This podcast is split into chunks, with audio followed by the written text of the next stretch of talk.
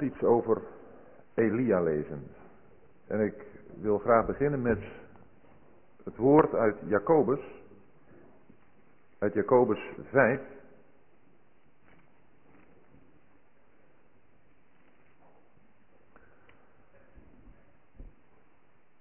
Waar we van Elia lezen in Jacobus 5, vers 17 Elia was een mens van gelijke natuur als wij. En hij bad een gebed dat het niet zou regenen. En het regende niet op aarde in drie jaren en zes maanden. En dan uit één koningen. Zoals aangekondigd. Eén koningen. En dan zou ik graag willen beginnen bij het laatste vers van hoofdstuk 16. 1 Koningen 16, vers 34 en dan lezen we het 17e hoofdstuk.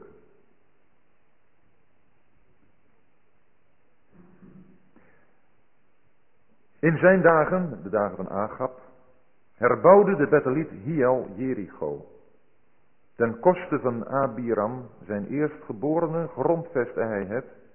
En ten koste van Segub, zijn jongste, plaatste hij haar poortdeuren naar het woord des Heren dat hij gesproken had door de dienst van Jozua, de zoon van Nun. Toen zeide de Tisbiet Elia uit Tisbe in Gilead tot Agab, zo waar de Heere, de God van Israël, leeft, in wiens dienst ik sta, er zal deze jaren geen dauw of regen zijn, tenzij dan op mijn woord. Daarna kwam het woord des Heren tot hem, ga van hier, wend u oostwaarts en verberg u bij de beek Krit die in de Jordaan uitmondt. Gij kunt uit de beek drinken en ik heb de raven geboden u daarvan spijzen te voorzien. Daarop ging hij heen en deed naar het woord des Heren. Hij ging verblijf houden bij de beek Krit die in de Jordaan uitmondt. De raven brachten hem des morgens brood en vlees en des avonds brood en vlees en hij dronk uit de beek. Doch na verloop van tijd droogde de beek uit, omdat er geen regen in het land gevallen was. Toen kwam het woord des Heren tot hem, Maak u gereed, ga naar Sarfat dat aan Sidon behoort en houd daar verblijf. Zie, ik heb daar een weduwe geboden u te verzorgen. Daarop maakte hij zich gereed en ging naar Sarfat. Toen hij bij de stadspoort kwam, zie, daar was een weduwe bezig hout te sprokkelen. Hij riep haar toe en zei, haal mij toch in een kruik een weinig water op dat ik drinken. Toen zij het ging halen, riep hij haar na en zei, breng mij ook een beetje broods mee. Daarop zeide zij, zo waar de Heere uw God leeft, ik heb geen broodkoek, maar enkel een handvol meel in de pot en een weinig olie in de kruid. En zie, ik ben bezig een paar stukken hout te sprokkelen. Dan wil ik het thuis voor mij en mijn zoon gaan bereiden, en als wij het gegeten hebben, moeten we maar sterven. Doch Elia zei tot haar, vrees niet. Ga het thuis bereiden, zoals gij gezegd hebt. Doch bereid mij daarvan eerst een kleine koek en breng mij die hier. Voor u en uw zoon kunt u het later bereiden. Want zo zegt de Heere, de God van Israël. Het meel in de pot zal niet opraken en de olie in de kruik zal niet ontbreken, tot op de dag waarop de Heere regen op de aardbodem geven zal. Daarop ging zij heen en deed zoals Elia gezegd had. En een tijd lang at zij, evenals hij en haar huis. Het meel in de pot raakte niet op en de olie in de kruik ontbrak niet, naar het woord des Heren dat hij door de dienst van Elia gesproken had. Na deze gebeurtenissen werd de zoon van de vrouw des huizes ziek. Ja, zijn ziekte werd zeer hevig, totdat er geen adem in hem overbleef. Toen zeide zij tot Elia, hoe heb ik het met u, man gods? Gij hebt mij, bij mij intrek genomen om mijn ongerechtigheid in herinnering te brengen en te maken dat mijn zoon sterft. Daarop zeide hij tot haar, geef mij uw zoon. Toen nam hij hem uit haar schoot, droeg hem naar het bovenvertrek waar hij verblijf hield en legde hem op zijn bed. Daarop riep hij tot de Heere en zeide, Heere, mijn God, doet gij zelfs de weduwe bij wie ik als vreemdeling vertoef, het onheil aan haar zoon te laten sterven? Toen strekte hij zich driemaal uit bovenop het kind en riep tot de Heere en zeide, Heere, mijn God, Laat toch de ziel van dit kind in hem terugkeren. En de Heere hoorde naar de stem van Elia. En de ziel van het kind keerde in hem terug, zodat het levend werd. Toen nam Elia het kind, droeg het uit het bovenvertrek naar beneden in huis en gaf het aan zijn moeder. En Elia zei, zie, uw zoon leeft. Daarop zeide de vrouw tot Elia, thans weet ik dat gij een man gods zijt en dat het woord des Heeren in uw mond waarheid is.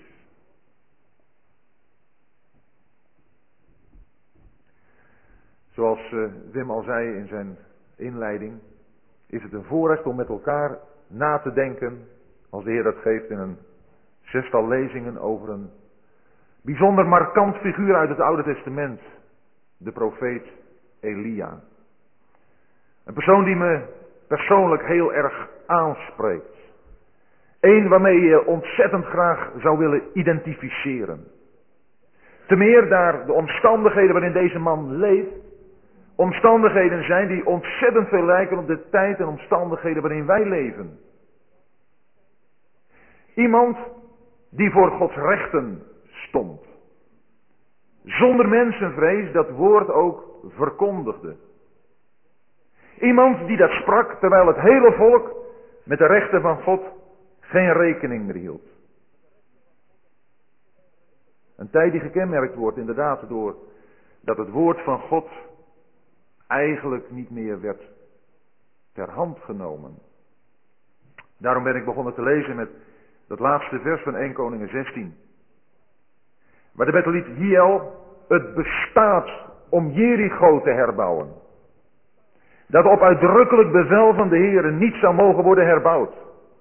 500 jaar geleden heeft Jozua dat woord gesproken. Dat de man die Jericho zou herbouwen, dat zou doen ten koste van zijn oudste en zijn jongste zoon. Maar deze Betheliet, of hij stoort zich er helemaal niet aan wat God gesproken heeft, of is het totaal vergeten. In elk geval, hij doet wat God verboden heeft. En als hij dan een begin gemaakt heeft, als hij het gegrondvest heeft en zijn eerstgeboren zoon sterft, dan gaat er bij deze Betheliet geen lampje branden. Ach, misschien heeft hij ook zo zijn reden en zijn verklaringen daarvoor gehad. Misschien is die jongen wat zwak geweest en hij is gewoon gestorven, zoals dat kan gebeuren in een gezin. Een Betheliet notabene. Iemand die zo verbonden is met wat de betekenis van die naam Bethel is. Het huis van God. Maar geen gedachte bij hem aan het woord van God. En we herkennen dat toch? Want waar wordt naar het woord van God geluisterd? Waar wordt het woord van God nog zo gevonden dat het met macht en kracht in onze levens inwerkt? En in de gemeente inwerkt. Het volk van God is afgeweken. Niet alleen afgeweken door deze goddeloze aangap, is doordat hij Izebel heeft getrouwd, eigenlijk de dienst van God vervangen door de Baaldienst. God is vervangen. En als God vervangen wordt door een afgod, dan is er voor het woord van God geen plek meer. Maar het bijzondere van deze man Elia is dat je in hem een buitengewone voorziening van de genade van God aantreft. Want God heeft zijn volk te lief, dan dat hij zijn volk op hun boze, zondige weg zou laten voorthollen en hen met hen een korte zaak zou maken en af zou afsnijden. God zendt profeten in tijden van verval om dat volk tot het hart en het geweten te spreken en om dat volk weer aan zijn hart te kunnen brengen. Maar een profeet is niet iemand die er doekjes om wint. Een profeet is iemand die Gods woord met gezag spreekt. En die dat ook best is op een hele harde manier moet doen. Deze profeet Elia, Hij verschijnt plotseling op het toneel. Het is de eerste keer hier in 1 Koningen 17 dat we van hem lezen. En wat we van hem lezen, dat laat ons deze Elia zien, die onverschrokken daar dat hof en het paleis van Aga binnen, binnentreedt. In zijn kameelharen mantel, als een man die voor niets opzij gaat. En je kunt je zo voorstellen dat hij daar al die pracht en praal voorbij gaat en daar Agap in zijn binnenkamer aantreft op zijn troon. En daar staat hij dan voor Agap. Staat hij voor Agap? Hij staat niet voor Agap. In de Statenvertaling staat het zo mooi dat hij zegt. Zo waar de Heere de God van Israël leeft, voor wiens aangezicht ik sta. Hier lezen we, we hebben het gelezen, in wiens dienst ik sta. Elia zag niet Agap. Elia zag de Heere God. En voor zijn rechten kwam hij op. En hij spreekt dat woord. Er zal deze jaren geen dauw of regen zijn, tenzij dan op mijn woord. Dat is de onverschrokken moed van een profeet van God. Maar we hebben Jacobus 5 gelezen. Voordat, voordat Elia openbaar optreedt en dat hof daar van Aga binnenstapt met deze boodschap, heeft Elia gebeden. En dat is misschien een van de dingen die we als eerste moeten leren. Ik, u, jij. Dat wil je een dienst voor de Heere God kunnen doen in het openbaar. Dan zul je eerst in het verborgen je omgang met de Heere God moeten hebben. Dan zul je zijn gedachten moeten leren kennen. Want wat Elia doet is hier een woord uit Deuteronomium aanhalen. Deuteronomium 11 lezen we het in de toespraak van Mozes. Dat als het volk is afgeweken, dat God dan een droogte zou kunnen zenden. Opdat hij dat volk daarmee zou kunnen tuchtigen. Opdat ze zouden zien met wie ze te doen hebben. En opdat ze terug zouden keren tot die God. Elia, hij heeft zijn verborgen omgang met God. En daardoor leert hij Gods gedachten kennen. En daardoor weet hij ook wanneer hij Gods gedachten en hoe hij ze naar voren moet brengen. Om dit volk terug te brengen is er een droogte nodig. En misschien is het ook in onze persoonlijke levens wel eens zo. Als wij afgeweken zijn van de Heere God. Dan kan het zomaar gebeuren in ons leven dat er zo'n periode van geestelijke droogte aanbreekt. Dat je je omgang met de Heer helemaal niet meer hebt. Dat het allemaal verdort en verdroogt. Omdat je Hem vergeten bent. Ach, misschien doe je uiterlijk nog wel de dingen die altijd van je gezien zijn. Je plichtmatigheden, die vervul je nog wel. Misschien bid je nog wel aan tafel. Misschien ga je nog wel naar een samenkomst. Maar je hart is er helemaal niet meer bij. En die echte, die levende omgang met de Heer, die is er niet meer. Dat ga je merken. Dan verdroogt het allemaal. En dan zijn dat van die dingen die de Heer wil gebruiken, ook door zijn woord, tot je te spreken. Door middel van, door middel van iemand in een samenkomst toch weer ineens, om je weer terug te brengen bij hemzelf.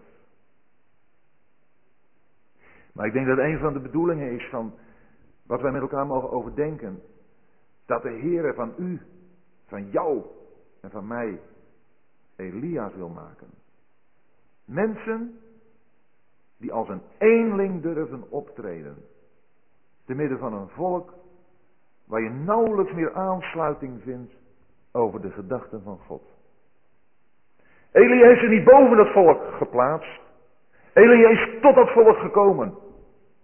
En Elia heeft een brandende liefde gehad. Voor de Heer, jazeker. Maar ook voor dat volk. Maar wat is het moeilijk geweest voor hem? Om als eenling voor Gods rechten op te komen. Zo God wil, zullen we dat de volgende keer nog duidelijker zien. Als hij er op de karmel staat, Ook zo'n indrukwekkende geschiedenis. Zeker. God moet hem vermanen en zeggen, Elia, je bent niet alleen. Er zijn er nog 7000 die zich niet, gebogen, niet gebogen hebben voor de Baal. Maar waar waren ze? Waar waren ze te vinden? Elia is een man die door God gebruikt kon worden, omdat hij het wist in het verborgen met God zijn omgang te hebben. Een man die kon luisteren. Hij luisterde niet alleen maar op horen wat God zei, maar ook gehoorzaamde aan wat God zei. Daar is dit hoofdstuk eigenlijk helemaal van doortrokken. Van gehoorzaamheid. Want de profeet, een profeet is maar, daar is maar één ding belangrijk voor, dat is doen en spreken wat God zegt. Van van Elia lezen we helemaal niet wie zijn voorouders waren. Van Elia lezen we helemaal niet of hij een bepaalde opleiding genoten had. Dat is allemaal volkomen onbelangrijk. Bij Elia is dit belangrijk. Zijn boodschap. Zijn ouders in elk geval hebben, en dat kunnen we misschien er wel van leren, zijn ouders hebben ook geloof in God gehad. Want zij hebben hem deze naam Elia meegegeven. De Heere is mijn God of God is mijn Heere. Die naam hebben deze ouders aan Elia gegeven. Ouders, ook als het hele volk van God het er wat bij laat zitten, dan kunnen we toch onze kinderen bemoedigen en aansporen om voor Hem te leven. Omdat we toch uit ons eigen leven weten dat de Heer te vertrouwen is. En dat Hij nog steeds machtig is. Hij is niet veranderd. Er is in Hem geen verandering of schaduw van omkering. Wij zijn veranderd. Er kan er van die situaties zijn waarin de Heer niet zo kan werken zoals hij wel graag zou willen werken. Zoals we ergens lezen van de Heer Jezus. Hij kon daar niet vele krachten doen vanwege hun ongeloof. Maar van u en mij wordt geloof gevraagd. En als u hier zit vanavond, dan is dat opdat u zou worden aangespoord en bemoedigd om het geloof in die God een levend geloof te laten zijn. Als alles tegen lijkt te zijn. Het dan toch te weten. Heel praktisch. Als God voor ons is. Wie zou tegen ons zijn? Dat een realiteit te maken. En ons onverschrokken te doen zijn. Zoals Elia dat was. En Elia heeft zijn boodschap gebracht en hij draait zich om en gaat het hof weer uit. En dan komt het woord van de Heer tot hem. Ga van hier, wend u oostwaarts en verberg u bij de beek Krit, die in de Jordaan uitmondt. Elia krijgt een nieuwe opdracht. Elia, nu moet je je gaan verbergen. Dat is ook wat. Nu ben je net in dienst van de Heer geweest. Je hebt een machtige boodschap gebracht, indrukwekkend. En je denkt, nu gaat het beginnen. Nu gaat het beginnen. En dan zegt de Heer, kom nog maar even een poosje bij mij. Ik heb je nog veel meer te leren. En of we nu jong zijn of dat we oud zijn, telkens hebben wij in ons leven van die periodes dat de Heer zegt, verberg u. Je moet een poosje bij me komen. Ik heb je nog meer te leren. Want leren hoe wij als dienstknechten voor God kunnen functioneren, dat doe je niet op een bijbelschool, dat doe je niet op een theologische faculteit. Dat doe je in de persoonlijke omgang, in de stilte en verborgenheid met Hem.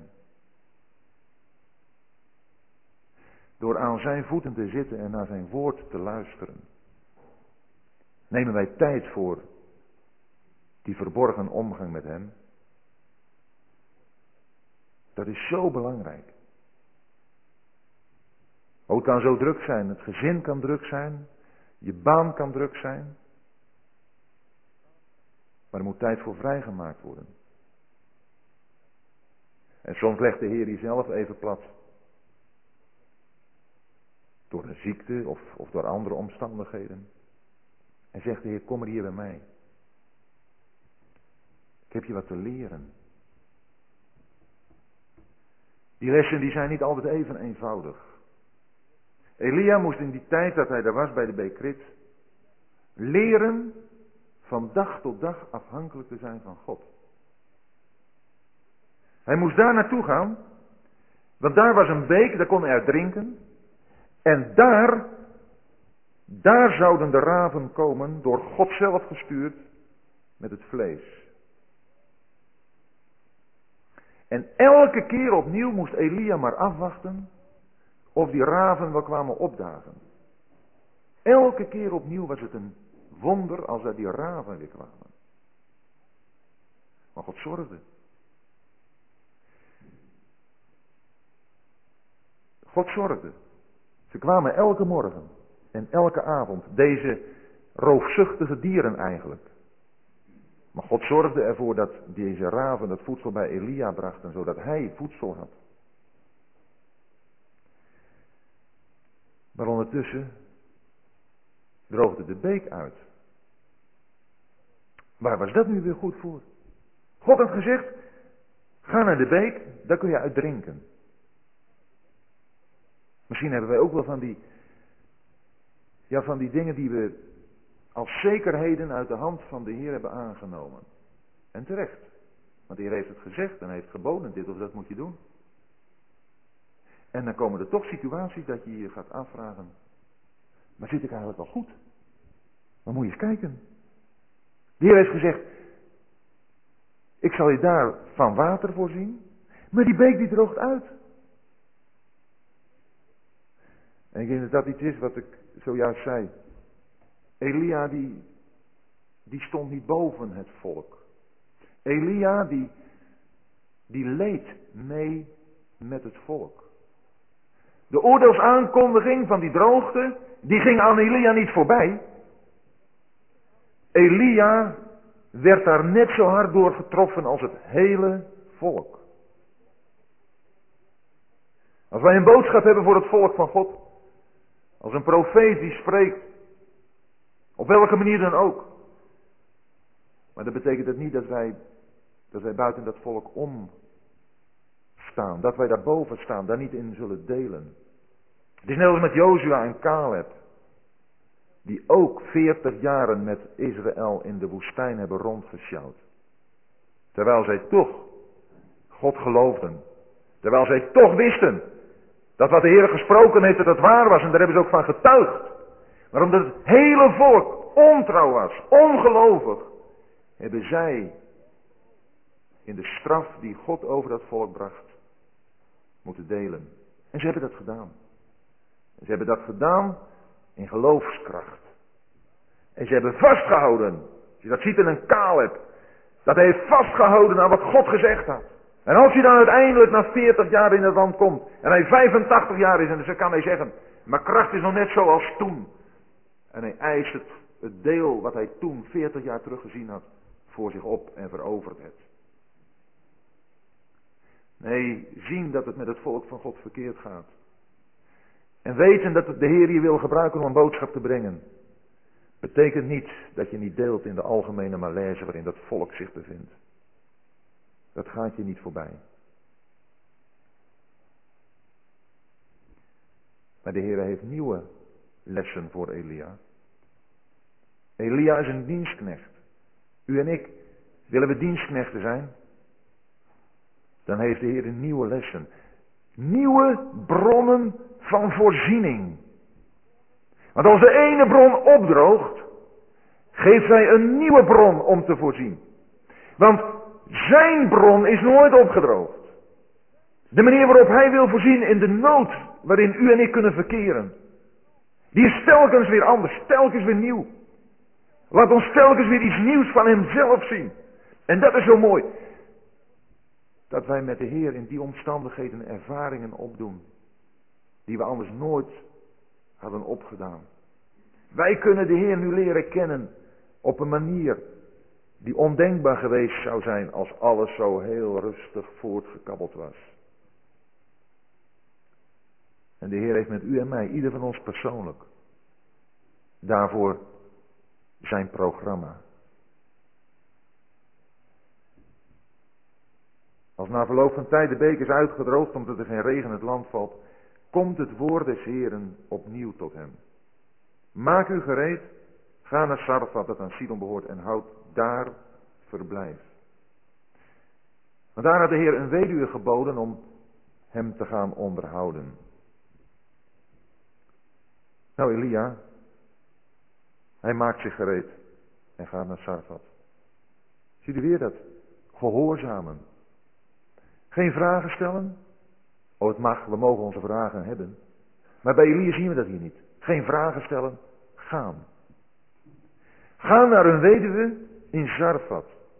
Een vrouw die, die niet direct lijkt een vrouw te zijn die, die een omgang met de Here heeft. Zij spreekt Elia over de Heere uw God. Zij weet dat de God van Elia er is. Maar of het ook echt haar God is. Aan het eind van het hoofdstuk zien we dat zij eigenlijk tot die ontdekking komt. Maar daarvoor heeft ook zij dingen te leren. De Heer bestuurt de raven. De Heer bewerkt het hart van deze weduwe. Ook dat is zo mooi. In de evangelie lees je dat. Als de Heer een ezel nodig heeft, dan kan hij twee van de discipelen erom sturen. En zeggen van, als ze nou, nou zeggen van, hé, hey, wat doen jullie daar? Moet je gewoon zeggen, de Heer heeft het nodig. En dan zal hij het laten gaan. En, en die man die die opperzaal klaargemaakt had. Als Johannes en Petrus vragen, Heer, waar wilt u dat wij het avondmaal, het paascha gaan bereiden? Oh, dan moet je gewoon naar die en die stad gaan. En, en die en die man, die moet je volgen. En in het huis waar je binnenkomt, daar is alles klaar. Bereid het daar maar. Hij bestuurt het allemaal. Helemaal buiten ons om. Er zijn nog machtige dingen mogelijk, broeders en zusters, als wij maar vertrouwen hebben op de Heer. Hij is niet veranderd. En nu komt hij niet in een huis dat van overvloed spreekt. Dat van kracht spreekt. Van mensen die hem aan alle kanten kunnen helpen. Elia komt hier in een huis waar een weduwe woont.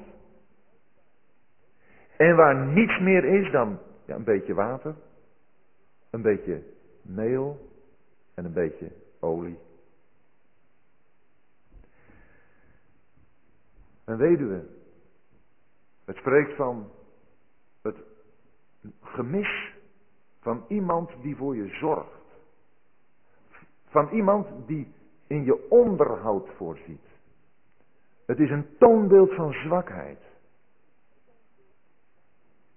En ook wat er is, dat beetje meel, dat beetje olie, het, het spreekt van zoveel armoede. Maar God heeft gezegd, daar zal ik je onderhouden, door die weduwe.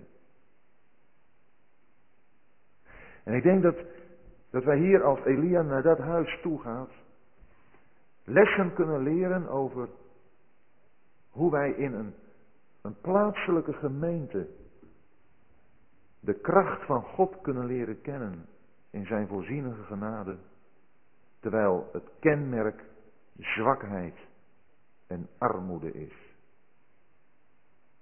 Elia heeft zijn persoonlijke oefeningen gehad bij de Bekrit. Maar nu gaat hij dingen leren in een huisgezin.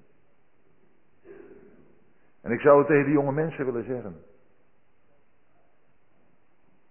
En ik denk voor zover we met de Heer leven, we dat kunnen getuigen. Dat naast je persoonlijke omgang met de Heer in het, in het verborgene, is van groot belang en van bijzondere betekenis de vorming in een plaatselijke gemeente. Hoe je daar de Heer kunt leren kennen. Zelfs al is het ontzettend zwak daar. Je zou kunnen denken aan Philadelphia, waar je leest over een gemeente die het te horen krijgt dat ze kleine kracht hebben. Kleine kracht. Waarvan toch ook gezegd kan worden, maar jullie hebben mijn naam niet verlogend en mijn woord bewaard. Het is mogelijk dat we toch, ondanks onze zwakheid, dit woord bewaren en de naam van de Heer niet verloochenen. Het is iets groots om samen te mogen komen tot de naam van de Heer Jezus. En ik weet dat het onder druk gezet wordt. En ik weet dat er veel aanvallen op gedaan worden. Om dat fundament maar weg te halen. Door zo ontzettend veel dingen die erbij komen. Maar het woord blijft waar. Dat het mogelijk is. Om tot de naam van de Heer Jezus samen te komen. En daarin zijn naam niet te verloochenen. En dat betekent dat wij als plaatselijke gemeenschap, als plaatselijke gemeente, alle gezag geven aan de Heer Jezus. Dat gezag dat hij uitoefent door zijn woord. En dan zal het woord ook gesproken moeten worden. Want hij heeft een geopende deur gegeven. Dat zegt hij in openbaringen 3. Waar hij zich voorstelt als de heilige en waarachtige. Ik heb een geopende deur gegeven, die is er. Die open, hij opent en niemand die sluit hoor. Maar is er nog bij ons de geloofskracht. Kunnen wij nog zien dat de Heer Jezus daar is? Want dit huis, dit huis daar komt Elia. Ik denk dat we hier ook in hem een beeld zien van de Heer Jezus. En daar is die olie en daar is die meel. Olie als een beeld van de Heilige Geest. En Johannes 2, u hebt de zalving van de Heilige en u weet alle dingen. En de meel als een beeld van, van de Heer Jezus, als het spijsoffer, als degene die hier op aarde geweest is en volkomen tot eer en glorie van God geleefd heeft. Het is maar allemaal een klein beetje. Maar zijn wij ons als plaatselijke gemeente bewust van onze weduwtoestand? Dat er in ons geen kracht is, dat wij zwak zijn, dat wij niets kunnen. Ja, dat wij misschien zeggen, als daar zoals Elia daar komt en, en het zegt, geef mij daar maar eerst wat van. Ik heb maar een klein beetje, dat maken we op en dan sterven we. En dan zegt hij, de olie in de kruik zal niet ophouden. En het meel ook niet. Tot de dag dat ik regen geef op de aarde. Zijn er die mensen die dat nog willen geloven? En die daarop willen staan? Nee, het meel wordt ook niet meer. En de olie wordt ook niet meer. Het wordt niet allemaal geweldig en groot. We hoeven niet te denken dat wat dat betreft nog zulke schitterende tijden zullen gaan meemaken dat het er helemaal uitbarst. Maar het wordt ook niet minder. Want de bron van die olie en van die wijn is in God. En als hij zegt dat het niet ophoudt, dan houdt het niet op. Dan blijft het stromen. Het is schitterend om met deze weduwe dat geloof te zien. Maar we moeten het eerst, eerst bij de Heer brengen. Zoals Elia dat zegt, als de vrouw gezegd heeft dat ze maar een heel klein beetje heeft en dat het allemaal het, laatste restje is, dan zegt Elia in vers 13, vrees niet, ga thuis bereiden zoals gij gezegd hebt, doch bereid mij daarvan eerst een kleine koek. Eerst de Heer. Eerst de man Gods. Met dat weinige wat er is, gaan wij daarmee eerst naar de Heer. Leeft het nog? Al is het nog maar zo weinig. Maar leeft het nog bij ons? Die aanwezigheid van de geest. Het, het zien van de Heer Jezus als het, als het spijsoffer, als degene die, die tot eer van God geleefd heeft. En, en als het gaat om het spijsoffer, dan mogen wij daarin iets zien voor onszelf ook. Dat ook wij zullen gaan leven tot eer van God. Dat zien. En daarmee eerst naar God gaan. God daarvoor als het ware danken. Mee naar de man God, naar Elia gaan. De Heer Jezus. Hem daarvoor danken. Het is mogelijk. Het kan nog steeds. Zo naar Hem toe gaan. Het eerst aan Hem geven. En dan is het prachtig om te zien dat deze vrouw dat ook inderdaad doet. En dan zien we hoe zij heen gaat en doet zoals Elia heeft gezegd. En hoe zij een tijd lang eet. Evenals hij. En naar huis. Het meel in de pot raakte niet op en de olie in de kruik ontbrak niet.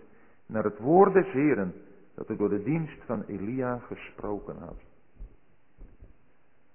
Het is schitterend om in deze vrouw die overgave te zien en het, het geloof in, in wat de man Gods, in wat Elia gezegd heeft. De bronnen van God verzanden niet. Dat wat wij zien kan opraken zoals bij de beek Elia dat moest leren. Of het kan ons heel weinig toelijken, zoals het in het huisgezin gezien werd, in dat beetje olie en het beetje meel. Maar wij mogen hoger zien. Wij mogen zien naar wie daarachter zit. Naar wie dat gebruikt, in wiens hand het is. Een hand die niet verkort is. Ook nu niet. En die nog steeds wil geven. We zingen dat in een lied. Een bron die nooit verzandt. Weet u, het komt juist in tijden van droogte. Tijd waarin wij nu leven.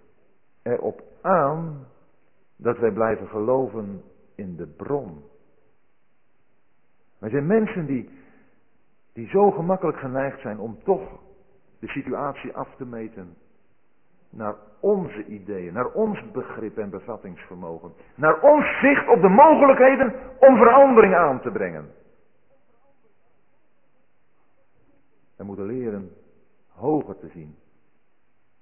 Naar Hem die het allemaal in zijn hand heeft.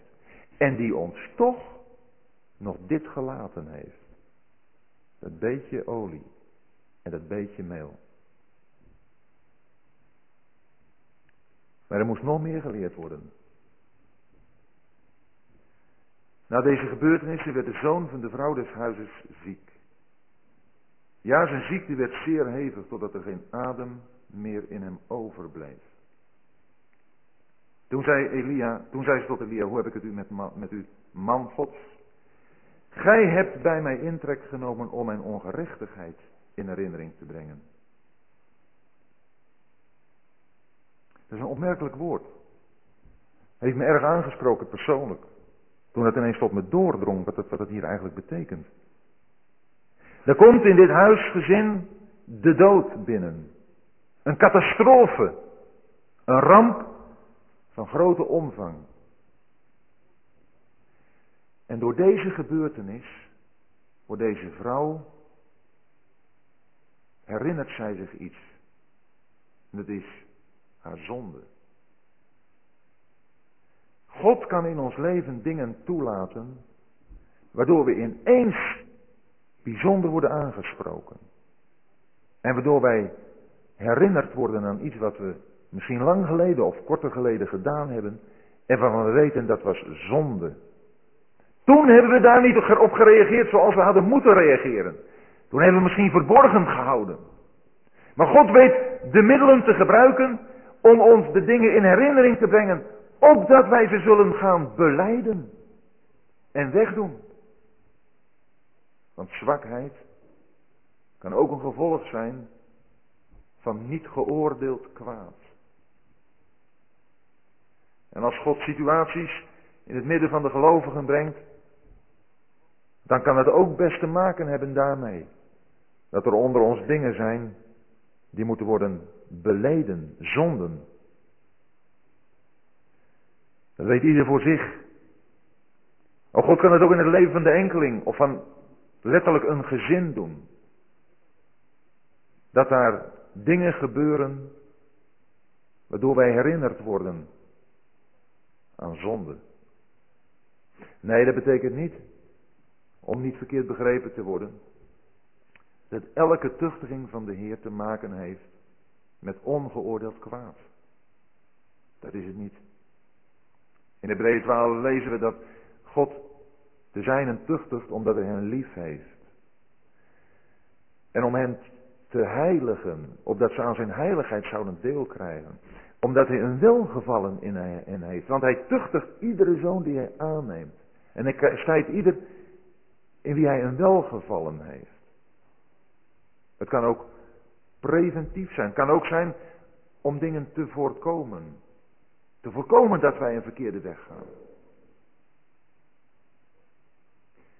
Maar ik heb het van meerdere gehoord. Die het gezegd hebben, als de Heer dit of dat in mijn leven niet had toegelaten. Dan had ik de verkeerde kant op gegaan.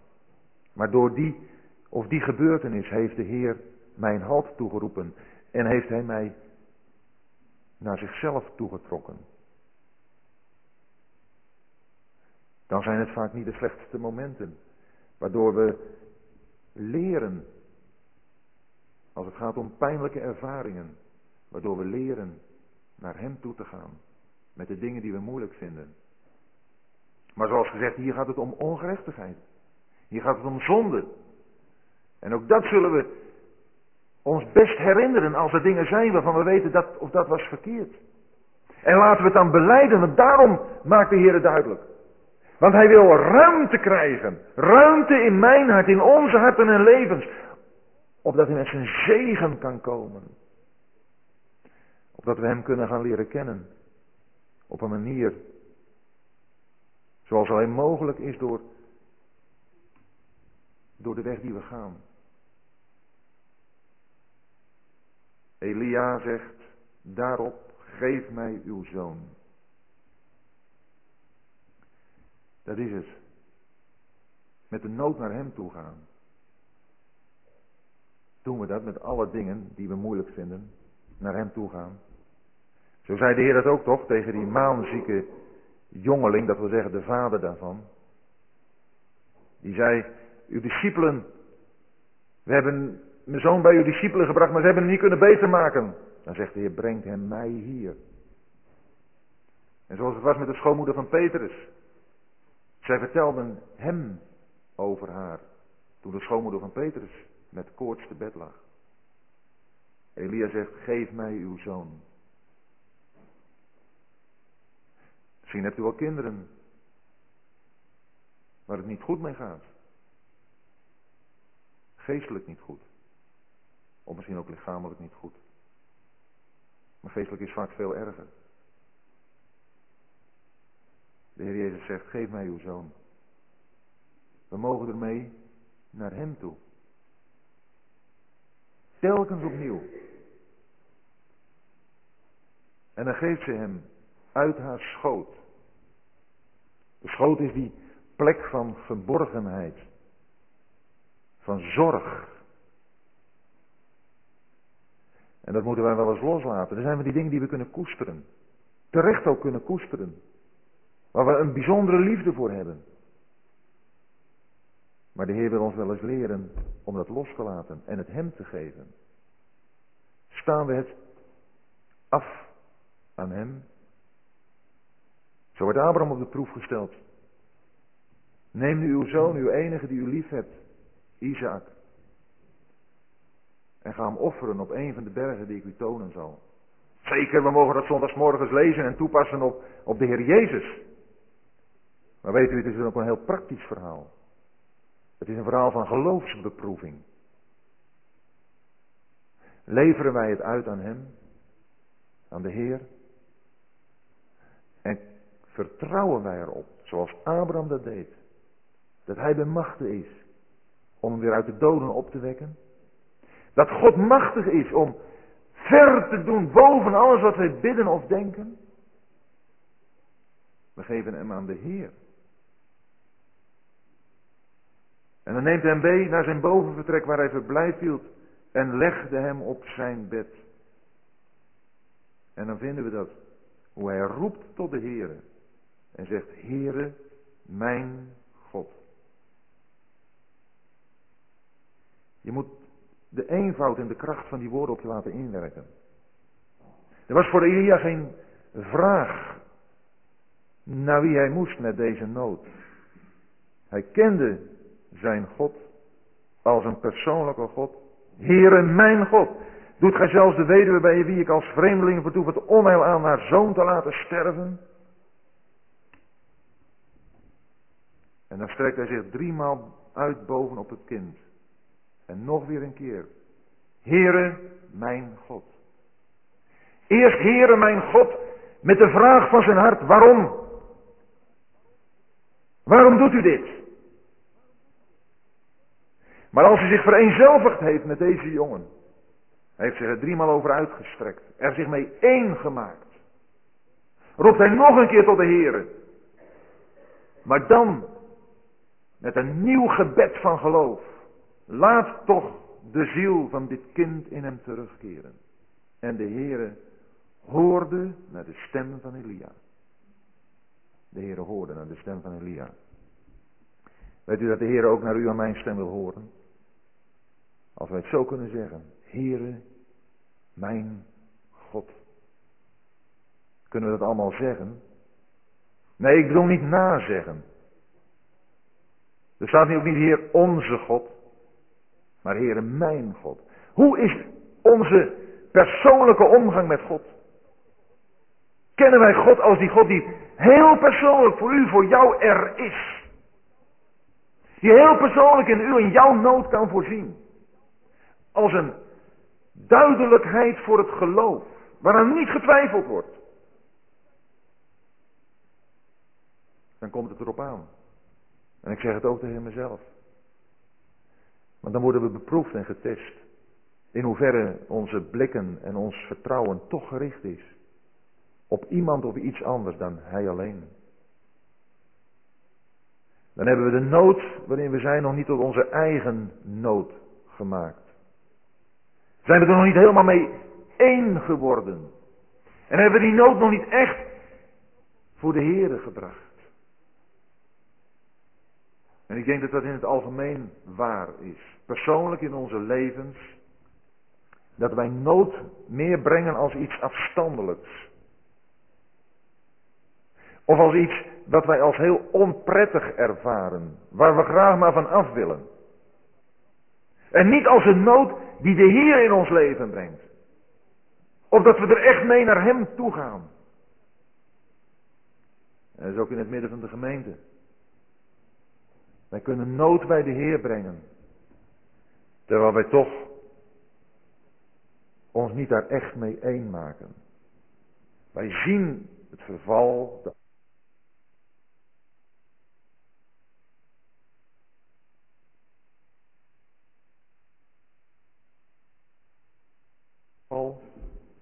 En we constateren dat en we hebben gelijk.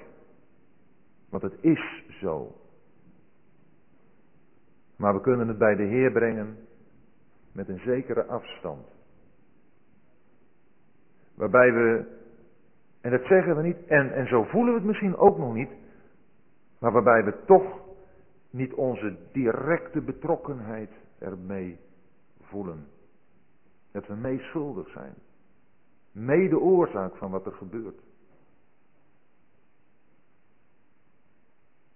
Want pas dan kunnen we God leren kennen, zoals Elia God hier leert kennen. En zoals de vrouw hier God leert kennen, als de God van de opstanding. De God die leven geeft. Als het geestelijk leven in ons persoonlijk leven verdord is. Als het geestelijk leven in, in ons als plaatselijke gemeente verdord is. Dan is er maar één die daar nieuw geestelijk leven kan geven. En dat is God. Hij is de God van de opstanding ook in die zin. Dat hij dingen kan bewerken. Nog steeds.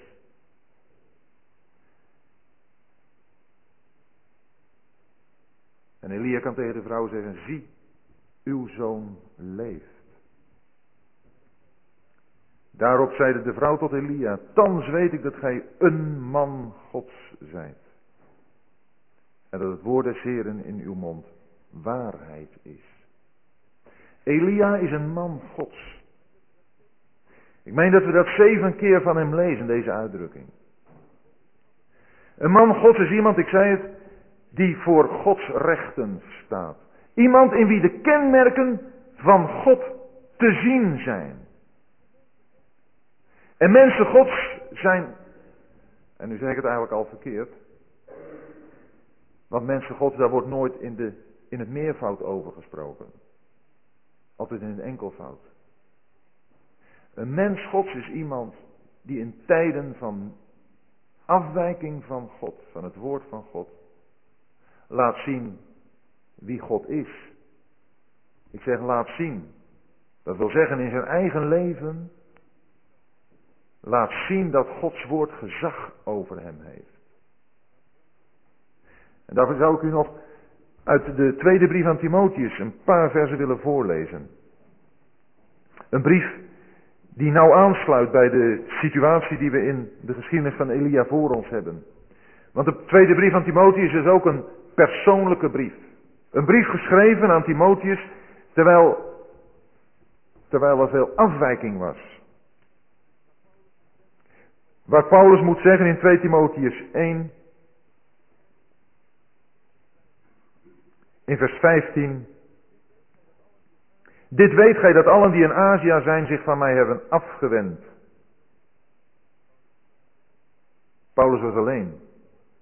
Azië, waar hij zo had gewerkt. Waar hij zo Gods gedachten naar voren had gebracht. Waar hij zoals in Efeze, waar we de hoogste christelijke zegeningen hebben. Daarover had gesproken en de verborgenheid van Christus daar had bekendgemaakt. Maar Paulus, men had zich van hem afgewend. Waarom? Ach, weet u, Paulus was toch ook wel een klein beetje fanatiek, vind je niet? Moet het nou echt allemaal zo? Zo helemaal voor, voor de Heer alleen zijn? Je kunt toch wel een beetje water bij de wijn doen, vind je niet? Het kan er wel wat minder. Het helemaal niet dat deze mensen geen christenen meer waren. Maar Paulus zegt, ze hebben zich van mij afgewend. En ik denk dat dat heel veelzeggend is. Zoveelzeggend. Als we in de persoon van Paulus een, een, een personificatie vinden van de dienst die hij heeft verricht. Van de brieven die hij heeft geschreven. Als we in Handelingen 27 lezen over die schipbreuk. Van dat schip waar Paulus op was op weg naar Rome. Dan lezen we op een gegeven moment als er grote nood is. Dat Paulus zegt, mannen, men had naar mij moeten luisteren. Hoe komt het dat wij in zo'n tijd van grote nood zijn? Dat komt omdat we niet meer naar Paulus luisteren. Omdat we van Paulus afgeweken zijn. En daar bedoel ik dus mee van wat Paulus ons geleerd heeft. Dat wij als gemeente, en ook in onze persoonlijke levens, onze eigenlijke roeping vergeten zijn. Die is op de achtergrond geraakt. We weten niet meer wat het is om verbonden te zijn met een hemelse mens. Met een mens in de hemel.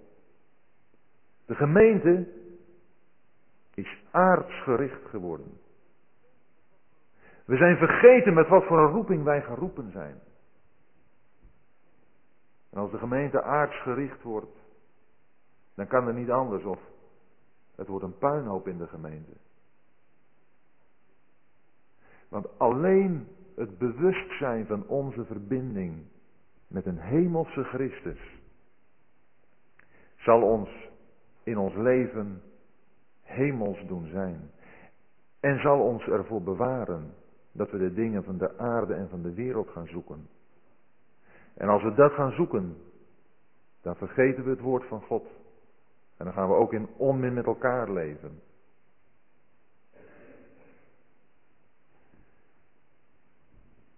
En het is in die situatie dat Timotheus wordt aangesproken. En wat lezen we dan van Timotheus? Wat er tegen hem gezegd wordt in 2 Timotheus 3. In 2 Timotheus 3, vers 16. Alle schrift is van God ingegeven en nuttig om te leren, te weerleggen, te verbeteren en te onderwijzen in de gerechtigheid. En dan heb je dat woord waar ik aan dacht. Opdat de mens Gods volkomen zij, tot alle goed werk, ten volle toegerust. De mens Gods. Die moet stand houden, te midden van algemeen verval. Kan dat alleen als hij het woord van God zich eigen maakt. Als hij zich daardoor laat leren. Als daardoor in hem dingen worden weerlegd die niet van de Heer zijn. Als hij zich wil laten verbeteren. Als hij onderwezen wil worden. En als hij daarna dat woord kan gebruiken om anderen te leren. Om te weerleggen de dingen die in strijd zijn met het woord. Om te verbeteren, om die correctie aan te brengen waardoor het weer goed gaat met de gemeente. Om te onderwijzen, om dat fundament weer te leggen. Opdat de mens Gods volkomen zij. Zijn er hier mensen die een mens, man of vrouw, Gods willen zijn? Dat is mogelijk, maar dan zul het woord moeten nemen. Dat van God is ingegeven. Dat is niet een woord van mensen. Een van de verwarringen die we vandaag de dag hebben is dat we dat woord relativeren is misschien wat te sterk gezegd. Maar van dat woord toch een meerkeuzeprogramma maken. En zeggen, kijk het kan zo zijn, maar het kan ook zo zijn. Of het kan ook zo zijn. En we kunnen de multiple choice op toepassen. En eigenlijk is dan elk antwoord nog goed ook. Maar dan verliest het woord aan kracht. Dan verliest het woord aan kracht. Het woord is gegeven om ons, om ons te leren. Opdat we er door kunnen weerleggen. Maken we dit woord op ons eigendom? Echt doen we het? Hoeveel tijd besteedt u, besteed jij aan het woord van God, het lezen ervan? Ik kan er niet genoeg de nadruk op, op vestigen. Op leggen dat het zo van belang is. Want het is het enige dat we hebben. En het is de vijand erom te doen. Om dat woord discutabel te maken. Want dan zijn we alle vastigheid kwijt. Maar Gods woord blijft waar. En er is geen andere basis die we hebben om voort te kunnen gaan. Door dat woord zullen we weten hoe we in een christenheid waarin zoveel verwarring is, te kunnen leven tot zijn eer. Geef de Heer ons die genade. Dat we van Elia dit leren. Dat hij was een man van gebed. En een man van het woord. Dat we het leren heel eenvoudig. Dat we weer gaan bidden. De plek op, op, op onze kamer opzoeken. En tijd ervoor nemen. En noemt u alles maar tegen de Heer op. Wat u nood bereidt. Waar u geen uitweg meer in ziet. En dan gaat hij werken. Dat kan niet uitblijven. De periode waar Elia in de eenzaamheid geweest is, zowel bij de Bekerit als ook bij de weduwe, is tenslotte bij elkaar toch altijd nog een goede drie jaar. Drie jaar. En wij lezen die geschiedenis in een paar minuten. Maar er is heel wat zielenoefening bij Elia geweest.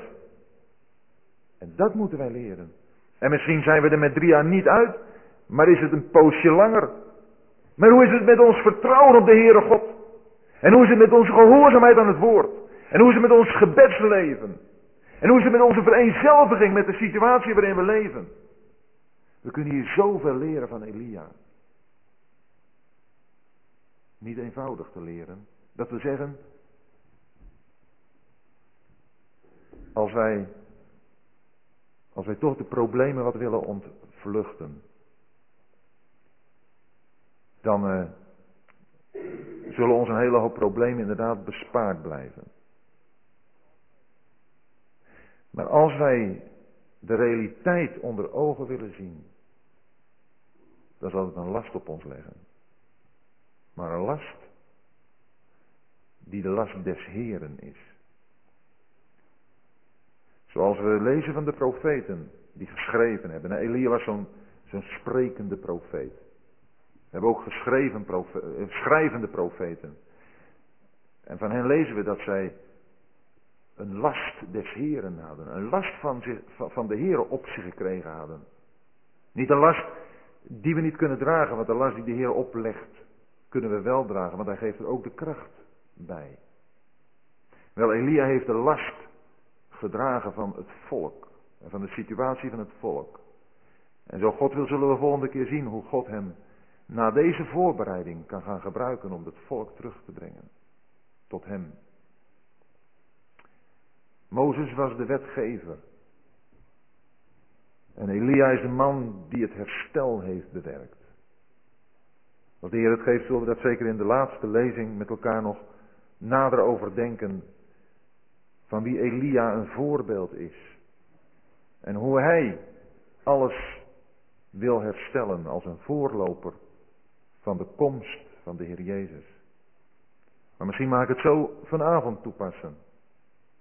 Hij is een voorloper van de komst van de Heer Jezus in uw en in mijn leven. Als we van deze man willen leren en aanvaarden wat hij heeft geleerd. Opdat wij voor God kunnen staan en het kunnen zeggen. Zo waar de Heere, de God van Israël, zo waar de Heere, de God van de gemeente, leeft in wiens dienst wij staan. En dan kunnen we spreken wat hij ons te spreken geeft. Met het oog op het welzijn van zijn volk. Misschien niet een woord wat aangenaam klinkt. Een woord wat er soepeltjes inglijdt. Maar wel een woord wat uiteindelijk heilzaam zal zijn. Een woord wat tot verheerlijking zal zijn van God. Een woord waardoor het volk ertoe komt te roepen. De Heere, die is God.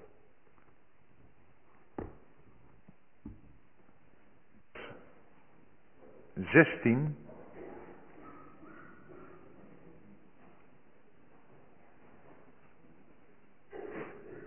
In Lucas 16, daar lezen we in vers 22.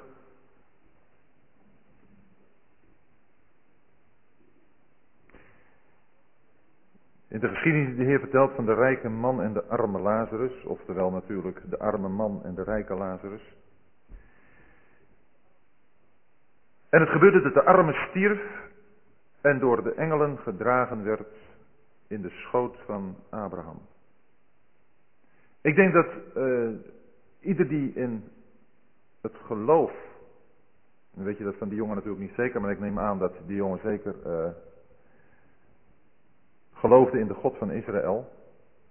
Dat ieder die stierf, diens ziel kwam, wat toen genoemd werd in de schoot van Abraham. Dat was de plaats van zegen. Voor degenen die in het Oude Testament, in het geloof, gestorven waren. Die eh, plaats, de schoot van Abraham, is doordat de Heer Jezus daar kwam, toen hij stierf, het paradijs geworden of genoemd. Maar het is in elk geval de plaats waar de zielen van degenen die in het geloof gestorven zijn, naartoe gaan. Dus, eh, en dat is eigenlijk een beetje het enige wat ik er op dit moment zo van kan zeggen. Het is een plaats van zegen. Een plaats van ook bewust aanwezig zijn. Hè? De zielenslaap, zoals die wel door bepaalde kringen geleerd wordt, is een absoluut onbijbelse gedachte. Iedere ziel van een ontslapene is in het uh, in bewustzijn van zegen en van wie in het ongeloof gestorven is, zoals het hier staat van die rijke, is in de plaats van de pijn. En heeft daar ook pijn. En er is een scheiding tussen deze twee uh, delen in het dodenrijk die niet te overbruggen is. Een grote kloof staat er in vers 26. Die onmogelijk, die het onmogelijk maakt dat de ene naar de andere kant overgaat. Dus uh, als het gaat om iets van het hiernamaals, dan zouden we Lucas 16, vers 19 tot en met 29, 30 is kunnen lezen. Daar zien we het.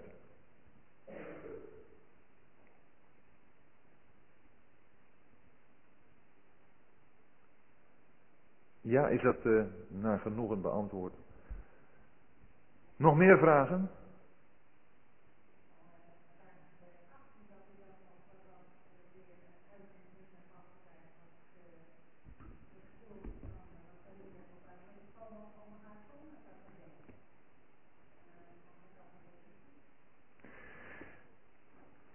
Dan hebben we het weer over 1 Koningen 17.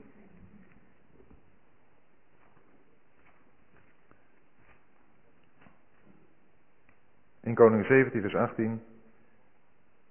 Zijt gij bij mij ingekomen om een ongerechtigheid in gedachtenis te brengen? Ja, ik weet niet hoe ik dat nog uh, duidelijker moet zeggen dan ik er net gedaan heb. Maar er kunnen van die gebeurtenissen in je leven zijn waarin je heel duidelijk van moet erkennen dat de Heer het is die tot je spreekt.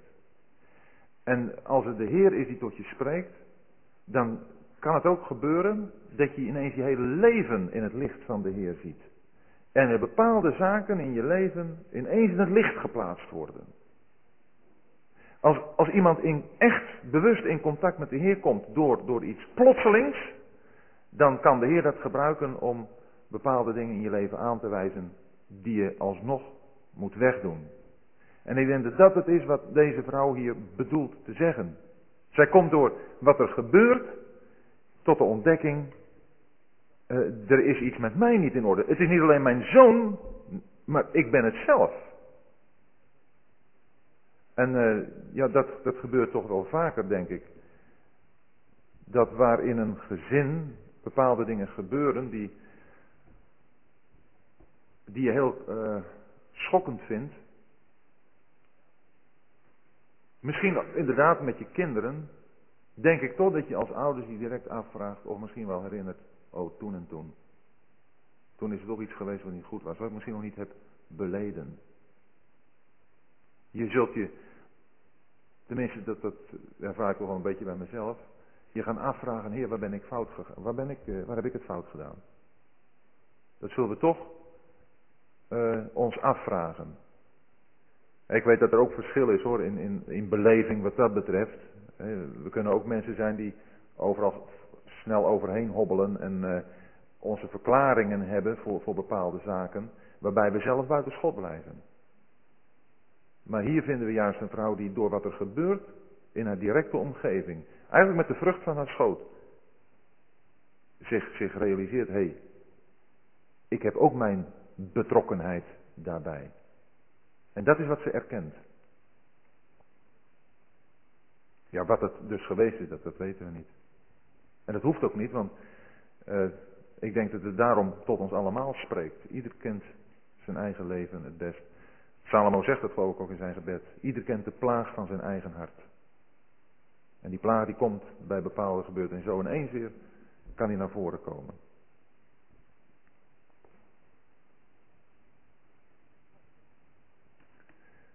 Nog meer vragen?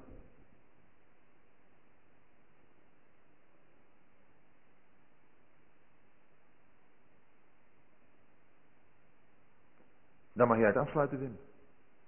Tenminste, dat uh, was toch de bedoeling, hè?